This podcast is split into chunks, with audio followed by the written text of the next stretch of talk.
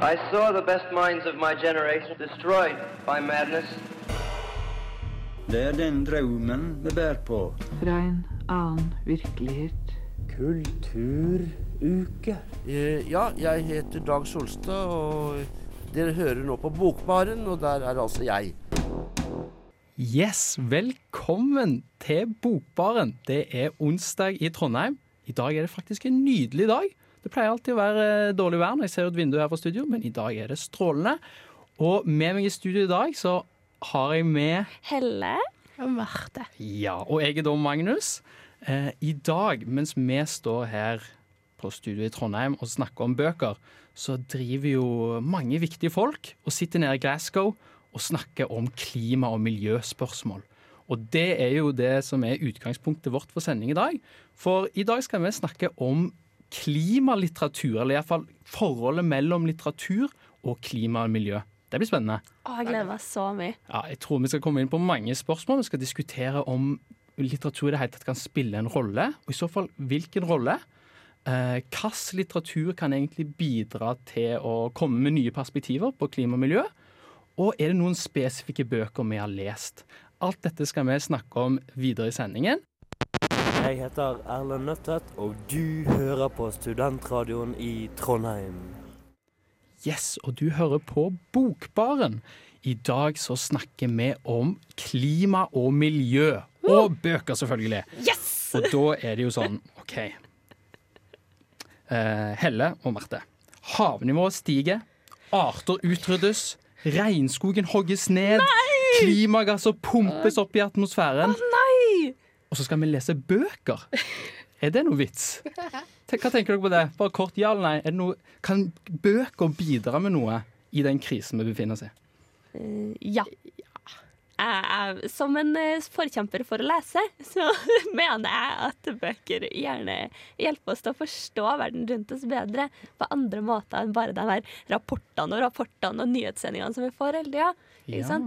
Ja, men jeg er helt enig. Uh, min, min første tanke var litt annen rute, som jeg ikke tror du er interessert i. Men jeg tenkte mer sånn Ja, det bidrar jo med at vi hugger ned skoger for å lage papir. Oi, den er, det, er, jo, det er helt sant. Det er sant. Men jeg er enig med, jeg er enig med, eh, med Helle. At bøker gir et sånt bilde inn i virkeligheten som du ellers ikke vil få. Du får skildret det på en helt annen måte. Litt mer emosjonell patos. på en måte. Ja. Ja. Ja, det er jo inne med stikkord, som på en måte litteraturen er en måte til å vekke følelser. altså Ikke bare sånne rasjonelle, sånn vitenskapelige forklaringer på det som skjer, men at det kan trigge følelsene våre på en annen måte. Ja, og så gir det oss så mye innsyn i andre sine hverdager overfor klimahverdagen, da. Eh, og Marte, når du sa liksom det med eh, papir og trær og sånn, så vil jeg gjerne slå et slag for e-bok. Eh, og at eh, det faktisk er en valid form for litteratur, eller en måte å lese på. Det er et interessant perspektiv at e-bøker og lydbøker er egentlig Hvis man skal snakke om hva som er best klimalitteratur, så er det det formatet, det mediet. Jo, interessant. Jeg har ikke peiling hvor, hvor, på en måte sånn, hvor mye papir som går med til bokindustrien sammenlignet med alt annet. Så vanskelig å si noe om, kanskje. Ja, jeg vil jo anta at kanskje sånn bøker som Bibelen og sånt, som har sånn sykt tynne ark, eh, kanskje tar litt mindre papir enn sånn eh, eh, tjukke pappark til barnebøker hvor du sitter og blar liksom, og peker på der, der er det en hund, og hunden sier voff. Ikke sant? Ja. Jeg liker at takeawayen her er les Bibelen, det er miljøvennlig. Ja. Eller få deg bibelappen, kanskje. Så det er enda mer miljøvennlig. Ja, sant. Men da må du bruke strøm sant, for å lese på disse e-bøkene og gjøre det. nei, Så Det det er jo òg en diskusjon som noe eksempel sånn Kindle, Amazon Prime, altså greier. Um, det er store dataverk, altså baseverk. Det er jo sånn de sier at noe av det mest miljøfiendtlige du kan gjøre, er å ha tusenvis av eh, e-mail på brukeren. Er det da bra å ha masse bøker? Det er sant. Kanskje jeg heller da skal slå et slag for eh, lokale bibliotek? Der! der. Faktisk, biblioteket er kanskje løsningen på alt her, sant vel? Nei, men eh, jo, nå gikk vi veldig sånn på materiale, materialiteten til bøker. Vi, vi skal etter hvert eh, kanskje snakke litt mer om på en måte, innholdet i disse bøkene, om de òg kan hjelpe oss på et mer sånn tankemessig plan. Da. Men for å oppsummere så mener både Helle og Marte og meg sjøl at bøker kan bidra med noe inn i klima- og miljøkrisen. De kan gi oss tanker, og det kan vekke følelser i oss som klimarapport f.eks. ikke kan. da. Men så er spørsmålet hva slags bøker hva slags litteratur er det vi da må lese? Eh, det er et spørsmål vi er nødt til å diskutere. Hei, jeg heter Johan Harstad, og du hører på Bokbaren. Yes, og i Bokbaren der diskuterer vi klima og miljø i dag. Og så kommer vi fram til et veldig interessant, uh, uventa konklusjon for meg når vi snakker om kan litteratur bidra til klima- og miljøkrisen på noen måte. Og da kommer jeg fram til les Bibelen og gå på bibliotek. Det var, det var bra. Bruk ditt lokale bibliotek Ja. for alt det er verdt. Ja, sant vel. Men vi konkluderte med litt med at alle oss tre mener at vi, litteratur kan eh, få fram nye tanker. Men så er spørsmålet hva slags litteratur er det vi skal lese da? Har dere noen tanker om det, Helle, eksempel? Eh, ja, jeg er jo oppvokst speider, eh, og jeg vil gjerne foreslå at eh, for dem som gjerne vil ha litt bruksnytte, så er speiderboka, altså speiderhåndboka og sånn, supergreit. Oi, det var heller ikke en ting jeg forventa å høre. Er Speiderhåndboka. Ja, for den kommer med både klimatips, og den kommer med eh, altså, måter du kan ta vare på lokalmiljøet rundt deg og sånt. Og det er jo så klart Det er jo en veldig sånn alternativ inngangsmåte. Men altså, som noen som er oppvokst med å bruke naturen, så syns jeg at det er en veldig, veldig god bok, da. Altså eh, mye nyttig informasjon Men også. kan jeg spørre, er han veldig sånn eh, oppskrift, sånn, sånn er den knuten, sånn gjør du det, eller er han mer sånn hva skal man si, filosofisk å tenke mer om forholdet mellom menneske og natur, og hvordan er den? måte? Er det bare en sånn liten Nei, eh, nei. oppskriftsbok? Den, den er ikke en liten oppskriftsbok heller. Den Nei. er kanskje en 300 sider eller noe sånt, med litt forskjellige inngangspunkter, liksom. eh, For rent vann, hvordan du skal bruke liksom de naturressursene du har i lokale miljøet, og planter og litt sånn forskjellige ting, da. Ja, og speiderens eh, motto er jo alltid beredt. Ja, ikke sant? Altså, man, kan jo, man må jo være beredt på det som foregår rundt oss nå. Ja, og det er jo faktisk sånn at speideren har vært veldig engasjert innen eh, klimasaken ganske lenge, så vi har jo egne merker og sånt. eh, For alle aldersgrupper. når, som, når det kommer til klimasaken og sånt. Veldig, veldig gøy. Har du noen tanker, eh, Marte, hvilken type, type bøker er det som kan bidra her? Ja, det er jo mye forskjellig. Jeg tenker jo fort på sånn dystopi. Eh, bøker hvor Ja, det er sånn klassisk eh, fortelling om inn i nær fremtid hvor verden ligger under en ja, sånn, nærmest en død mark, og man må prøve å overleve i det. Og det er jo Jeg vet ikke. Jeg kommer ikke på noen spesifikk akkurat nå. Nei, men det Men eh, jeg husker veldig godt at uh, da jeg leste Hunger Games, så er det mye skildringer da i dette området rundt eh, disse distriktene og sånt, og spesielt dette distrikt 13 som ble ødelagt av krig. Og det er jo mye, mye interessant der. Ja, og det er jo sånn som du sier at det kan både være langt fram i tid, eller det kan være ganske nær fremtid. Sånn Maja Lunde, for eksempel. Sant? Da er det jo rundt 2040, tror jeg, og da blir det jo med en gang veldig realistisk. Men sci-fi-sjangeren som Hunger Games blir en del av, da, sant? da er det jo veldig langt fram i tid, og kan vise oss hvor galt det faktisk kan gå. Ja, sci-fi har jo alltid hatt en nytteverdi sånn sett på å reflektere ikke bare på forskning som kan skje, men også på menneskeverdi og eh, forhold som vi kanskje kan oppleve, da. Ja, så jeg tror sci-fi absolutt er en, en veldig god kandidat til litteratur som kan gi oss veldig interessante perspektiver, fordi det går så langt fram i tid. Og når du snakker om Hunger Games, Mats, så er det òg interessant, for det er jo et spørsmål om om man nødvendigvis må lese litteratur som eksplisitt tematiserer klima- og miljøspørsmålet, eller kan man lese all slags greier, bare med et blikk for å se på eh, klima og miljø, da? Hva tenker Ja. dere om det? Jeg tror alltid at litteratur på en måte må skildre miljøet rundt seg for å gi inntrykk på leseren. Altså Ja, at det ikke bare virker som en flat verden. Eh, og sånn sett så vil jo alltid miljø spille en, og klima spille en uh, rolle, da. Ja, jeg er helt enig. Det er jo en veldig viktig del av historiefortellinga er jo å skildre verden rundt seg. Og, Um, men jeg tror det også handler om at leseren da må um, legge merke til de tingene, da. Mm. Er det Ja, hvordan ser miljøet rundt? Og det er jo en stor tendens som foregår, iallfall innenfor akademia og sånn litteraturvitenskap som eh, meg og deg holder litt på med heller, at Ja. eh, man har såkalt økokritikk, at man tar på seg de brillene og på en måte leser litteratur som man kanskje ikke har tenkt på som klima- og miljølitteratur, men med sånne briller at man har større oppmerksomhet mot miljøet og hvordan det blir skildra, og forholdet mellom menneske og natur, da, rett og slett. Og jeg tenker at det er en kjempespennende måte å gå inn i litteratur på. Eh, og det åpner opp veldig mange muligheter når det ikke nødvendigvis må eksplisitt tematisere klima og miljø, men alt kan på en måte leses ut fra det perspektivet, og komme med nye tanker rundt dette. da. Jeg heter Christian Mikkelsen, og du hører på radio Revolt, Volt, Volt. Ja, du hører på Bokbaren, der vi snakker om klima og miljø. Og når vi sirkler oss litt inn på hvilken type litteratur som kan, eh, som kan bidra med nye perspektiv på klima- og miljøkrisen, og da kommer jo sci-fi opp som en naturlig kandidat der. De eh, går veldig langt fram i tid ofte og viser hvordan ting kunne blitt hvis vi f.eks. ikke gjør noe handling. Og du Helle, du har jo med en sånn spesifikk eh, sci-fi-bok som, som du har lyst til å snakke om. Det har jeg, vet du. Eh, det her er en bok som jeg har vært veldig glad i i ganske mange år, eh, som heter Proxy. Den er skrevet av Alex London i 2013. Eh, og den er jo faktisk en dystopisk sci-fi-roman. Eh, det er også en duologi, men jeg er ikke så veldig glad i oppfølgeren, egentlig. Eh, for jeg er mer glad i på en måte det her perspektivet som settes på spill i første boka. Som da er Hele verden er ødelagt. Vi har bomba alt sammen. Det Ørkena sprer seg, og det er på en måte Folk sulter og lever eh, så vidt de kan, liksom, ute i alle verdens eh, områder. Og så har vi altså enkelte steder hvor at folk er trygge.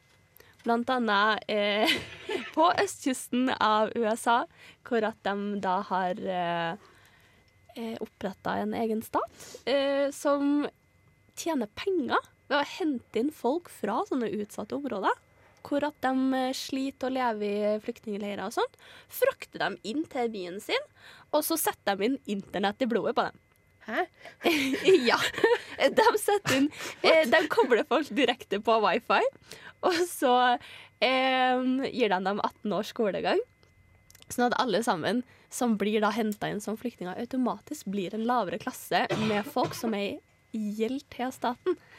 Og det her er jo da det kommer inn med de rike som allerede er innfødt i byen, og som er liksom litt etablert og har litt selskaper og sånn. De har da etablert et system hvor at de rike kjøper gjelda til de fattige. Nei. Og hver gang de bryter loven, så er det da de fattige personene som blir straffa istedenfor. Og det setter jo et premiss som eh, er jo originalt liksom klimabasert, men som har veldig store humanitære konsekvenser.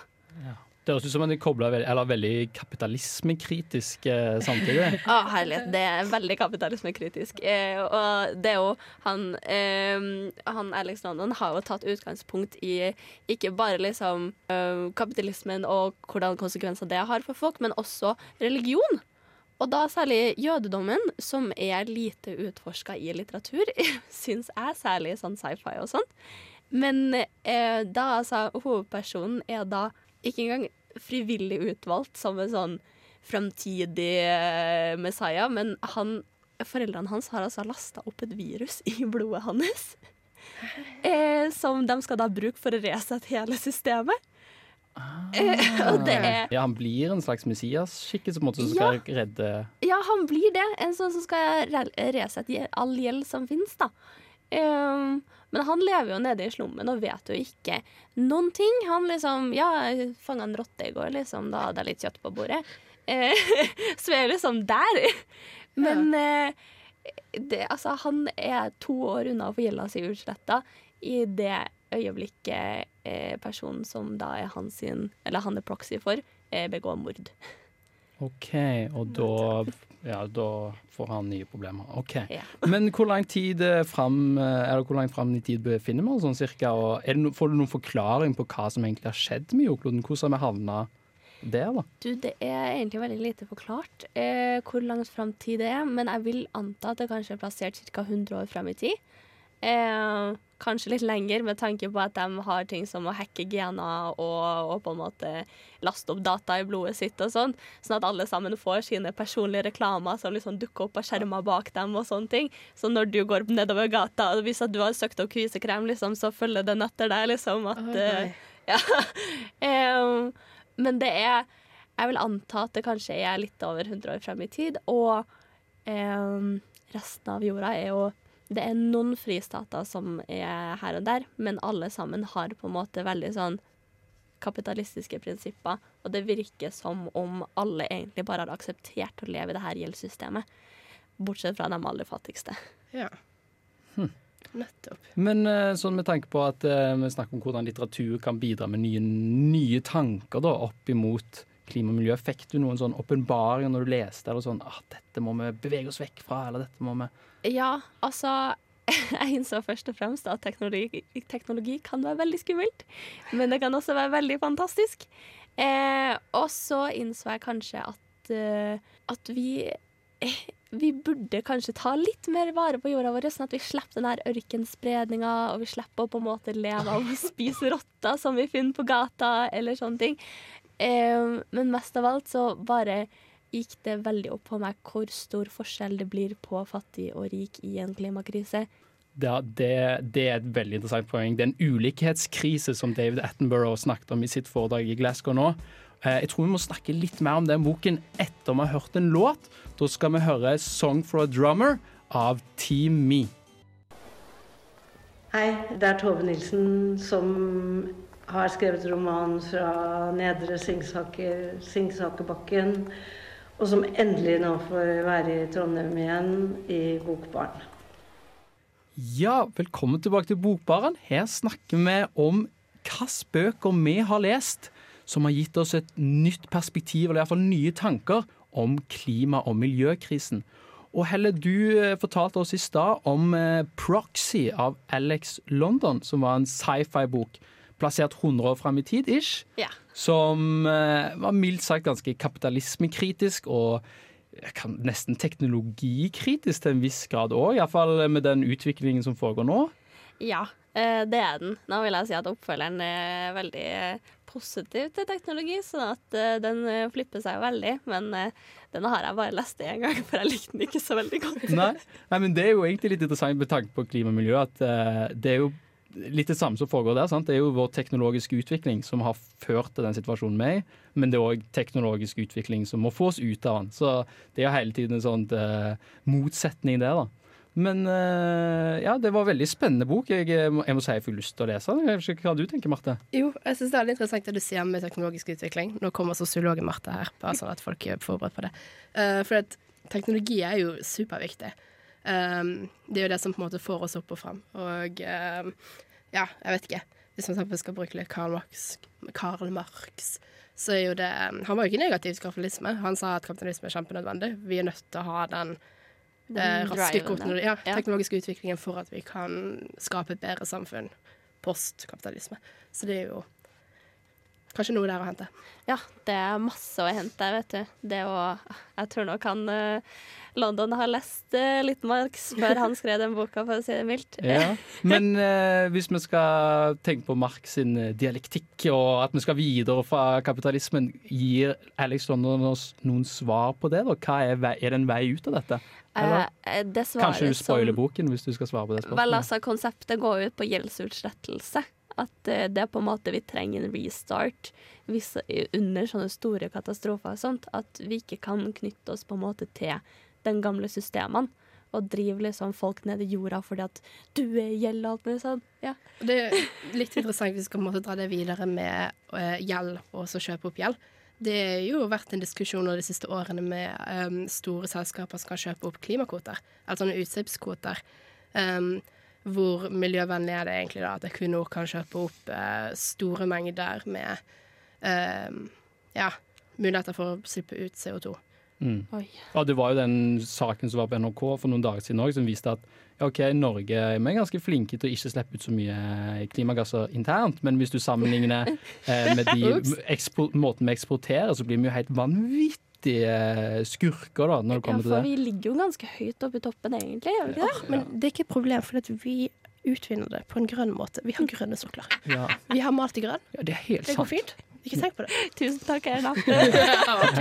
ok. Men det er jo litt interessant med den uh, boken som du snakket om, da, Helle. At uh, det virker det som at det var veldig løfta opp til et globalt perspektiv. Ja. At det viser hvor, uh, hvor tett sammenvevd alt er. Det, det funker kanskje ikke så bra å tenke innenfor disse smale landegrensene som vi gjør. Nei, det gjør jo kanskje ikke det. Eh, og særlig når at liksom teknisk sett så finnes jo egentlig ikke grenser og sånt. Eh, ikke at jeg skal argumentere skikkelig for en anarkiststat, men eh, det, er jo, det er jo bare fiktive linjer vi har tegna opp. Eh, og systemer vi har laga oss for at vi syns at de funker.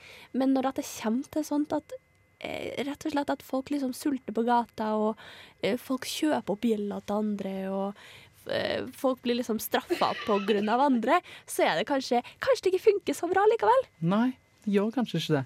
Nå, er det jo i fall, eh, nå har vi jo iallfall samla folk fra hele verden her i Glasgow, og de får snakke sammen. Det er jo iallfall et steg eh, mot det, da, å se dette globale perspektivet. Men eh, mitt hva skal man si, lesetips i dag er noe veldig eh, annerledes. Det er så realisme. Iallfall forfatterne er knytta til så realistisk som du får det. Det er nemlig Karl Ove Knausgård. Eh, som, eh, som, han er jo i gang med en sånn en ny bokserie. da og nettopp sluppet en eh, ny bok som heter 'Ulvene fra evighetens skog', som er en oppfølger til romanen fra i fjor som heter 'Morgenstjernen'. Og jeg har begynt på 'Ulvene fra evighet, evighetens skog', koser meg med den. Eh, Men jeg tenkte jeg skulle ta opp 'Morgenstjernen', fordi den, eh, den gjør noe veldig interessant, syns jeg. Den eh, diskuterer klima og miljø, men ikke sånn eksplisitt sånn som vi snakket om i stad. For det som skjer da, er at det er en sånn morgenstjerne som stiger opp på himmelen, og ingen skjønner helt hva som foregår. Eh, morgenstjernen er altså en slags sånn sol som plutselig er veldig tett på menneskene, men de klarer ikke helt å gripe hva det er. Det, men det, det er noe sånn apokalyptisk med det. Man skjønner at det er noen onde krefter i gang. da. Og så er morgenstjernen eh, delt inn i mange ulike deler, der man eh, følger ulike personer. Ni ulike personer, tror jeg det. Så det som Karl Ove Klein skulle klare å få fram med det grepet der, er hvordan vi som mennesker forholder oss så, ulikt til en sånn ytre skremmende trussel som denne morgenstjernen er, eller klima- og miljøkrisen fra et realistisk situasjon. da. Eh, For alle forholder seg helt ulikt. Noen blir nesten litt sånn angstprega, mens noen er helt likegyldige til det som foregår. Uh, og det grep syns jeg uh, er veldig interessant, for sånn er det jo i dag òg. Noen reiser ned til Glasgow med tog for å demonstrere utenfor, mens noen går rundt like glad i Trondheim. Sant? Men vi, vi forholder oss helt ulikt til det. Så, så det, den boken tenker jeg òg har mye å komme med på det perspektivet, da. Eh, Forsto dere hva boken handler om? Ja, det var skikkelig interessant. Det er bare en annen sol, på en måte. Ja, det er en annen sol. Eh, morgenstjernen er på en måte det, det Jeg ser for meg når jeg leser det som en slags sånn solformørkelse. Men den skal liksom være mye nærmere jorden enn det solen og månen er når vi ser opp i himmelen. Den, den føles veldig påtrengende, da. Ja.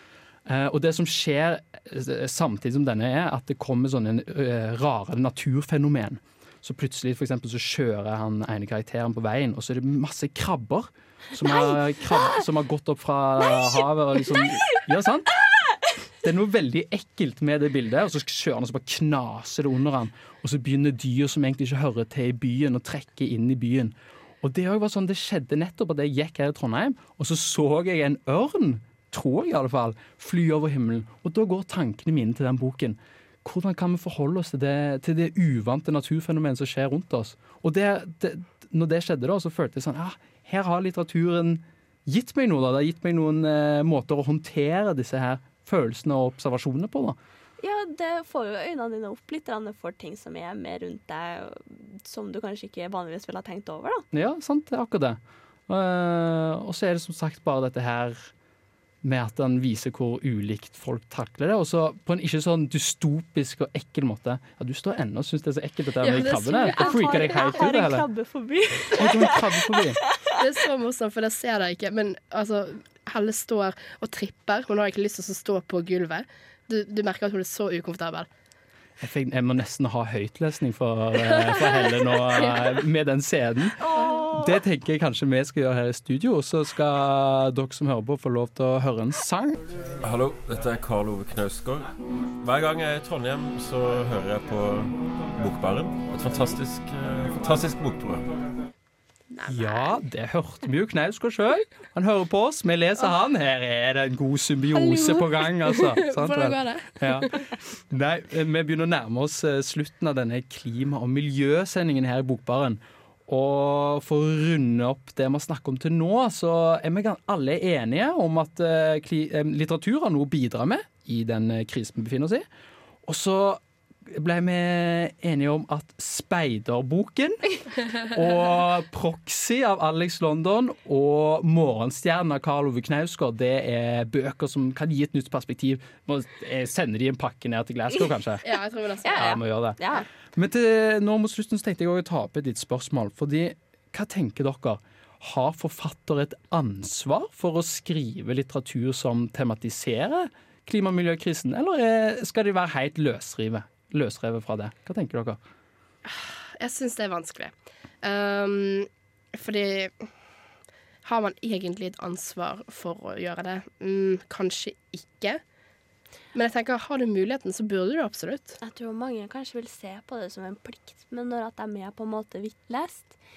Men jeg syns ikke at det skal være et krav at uh, man skriver om klima og miljø, selv om du alltid ender opp, ender opp med å skille, skildre et eller annet liksom, som uh, gir inntrykk av miljøet rundt deg, så betyr det ikke at du trenger å på en måte sette fingeren på noe klimagreier. Nei. Mm. Men det som du sier da, at um, anerkjente forfattere som blir mye lest, kanskje kjenner på en slags plikt.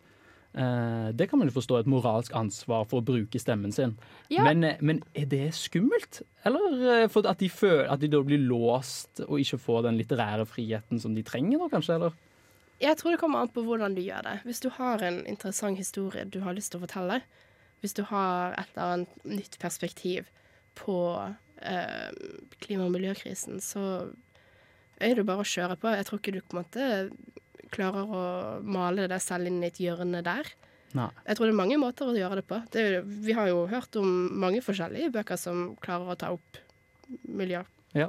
Ja, men samtidig så er det jo liksom Det trenger jo liksom ikke være Altså, det kan jo være at man gjør det feil. Det kan jo være at du rett og slett portretterer ting feil, og hvis at du er hvitt lest, tenk om du gjør noe feil! Altså, det skal på en måte ikke være et krav, da, at Nei, man nei, men- gjør det.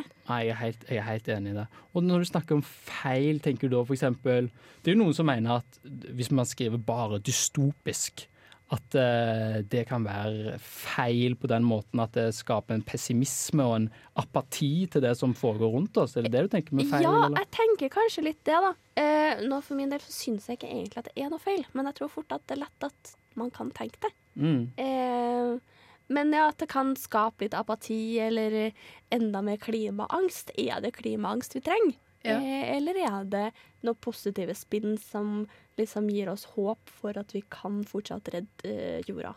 Ja, sant. Og jeg tror jo at klima, eller litteraturen kan også bidra med å må gi oss sånne sammenhenger da, som vi trenger så sårt denne tiden. For det er på en måte det som skaper apatien, at vi blir så små oppi dette her store forandringene som foregår. men mens klima- og miljølitteraturen kan, kan trekke tråder f.eks. i tid, da, sånn som Maja Lunde gjør. Da er det jo folk som nå som gjør, engasjerer seg, og så betyr det noe for noen langt fram i tid. Mm. At man trekker disse trådene i tidsperspektivet kan være nyttige ting, tenker jeg òg. Absolutt. Det er jo Altså, det er jo det noen av for eksempel, sånn, våre samtidsforfattere kan gjøre en god jobb med. Jo på en måte dokumentere den virkeligheten vi ser for oss nå, da. Mm. Ja. Kanskje det er interessant 100 år frem i tid og bare Absolutt. Og så virker det jo som at det er faktisk, eh, sånn som du var innom, Helle, at mange forfattere føler en slags plikt, de føler et ansvar. Blant annet så vi jo det nå i valgkampen. Så var det jo 33 forfattere tror jeg det var ute, som hadde et sånt opprop mot å stemme mot klima- og miljøpartier. Som var ganske overraskende, syns jeg, når jeg så det. Og så leste jeg òg nettopp en sak om eh, at i Danmark så var det en aksjon der eh, en gruppe kvinner samla seg for å klippe av håret i sorg, en slags sånn sorgsymbol som er, går langt tilbake i tid, for det som foregår, for å markere opp mot Glasgow. Da. Og da var det en dansk forfatter som leder den aksjonen, og flere danske forfattere som var med. Så det viser jo at forfattere tilsynelatende har et veldig stort engasjement for den klima- og miljøkrisen som er. da. Ja, jeg tror at det har noe med at når at du lever av å skildre en verden, og skildre om det er verden rundt deg, eller om det er verden du kunne tenkt deg å se, eller tenkt deg å ikke se, så er det uansett et engasjement i en verden som du da ser fra før. Mm. Absolutt. Ja, det var fint. Ja, det, er- det, det, det, det er jeg enig i at de liksom de, de, de har sånn blikk på verden at de, det skaper et engasjement bare å ha det blikket. da. Ja. Ja. Men Nei, det det, var sterkt det med klippe av håret og sånt, da. ja, det var, det var voldsomt. Det, det, jeg tror det skapte mye oppmerksomhet. Og, Ja, det drar jo rett og slett paralleller først og fremst til holocaust. Det er det første jeg tenker på. En sånn Ja. stor sånn folkesorg og sånt. Det er jo noe av det vi har igjen i Auschwitz og sånt. Er Ja. jo håret Ja. til dem som på en måte blir utsatt for den her ja, er katastrofen. Det er sant. Men det her tror jeg det var et sånt, dette er en slags sånn ritual som strekker seg tilbake til, til før Kristus, da, i den antikken, den greske antikken. Ja, da skal vi runde av vår klima- og miljøsending her i Bokbaren. Og vi har snakka om tre bøker. Speiderboken og Proxy av Alex London og Morgenstjernen av Karl Ove Knausgård, som har bidratt til å gi oss nye perspektiver og nye tanker om klima og miljø. Så jeg tenker vi tar det som ukens lesetips fra oss her i Bokbaren. Eh, og så kan dere eventuelt gå ut og lese den nye Knausgård-boken hvis dere vil det òg. Og så snakkes vi igjen neste onsdag. Og tusen takk til tekniker Simen, som har hjulpet oss i studio i dag.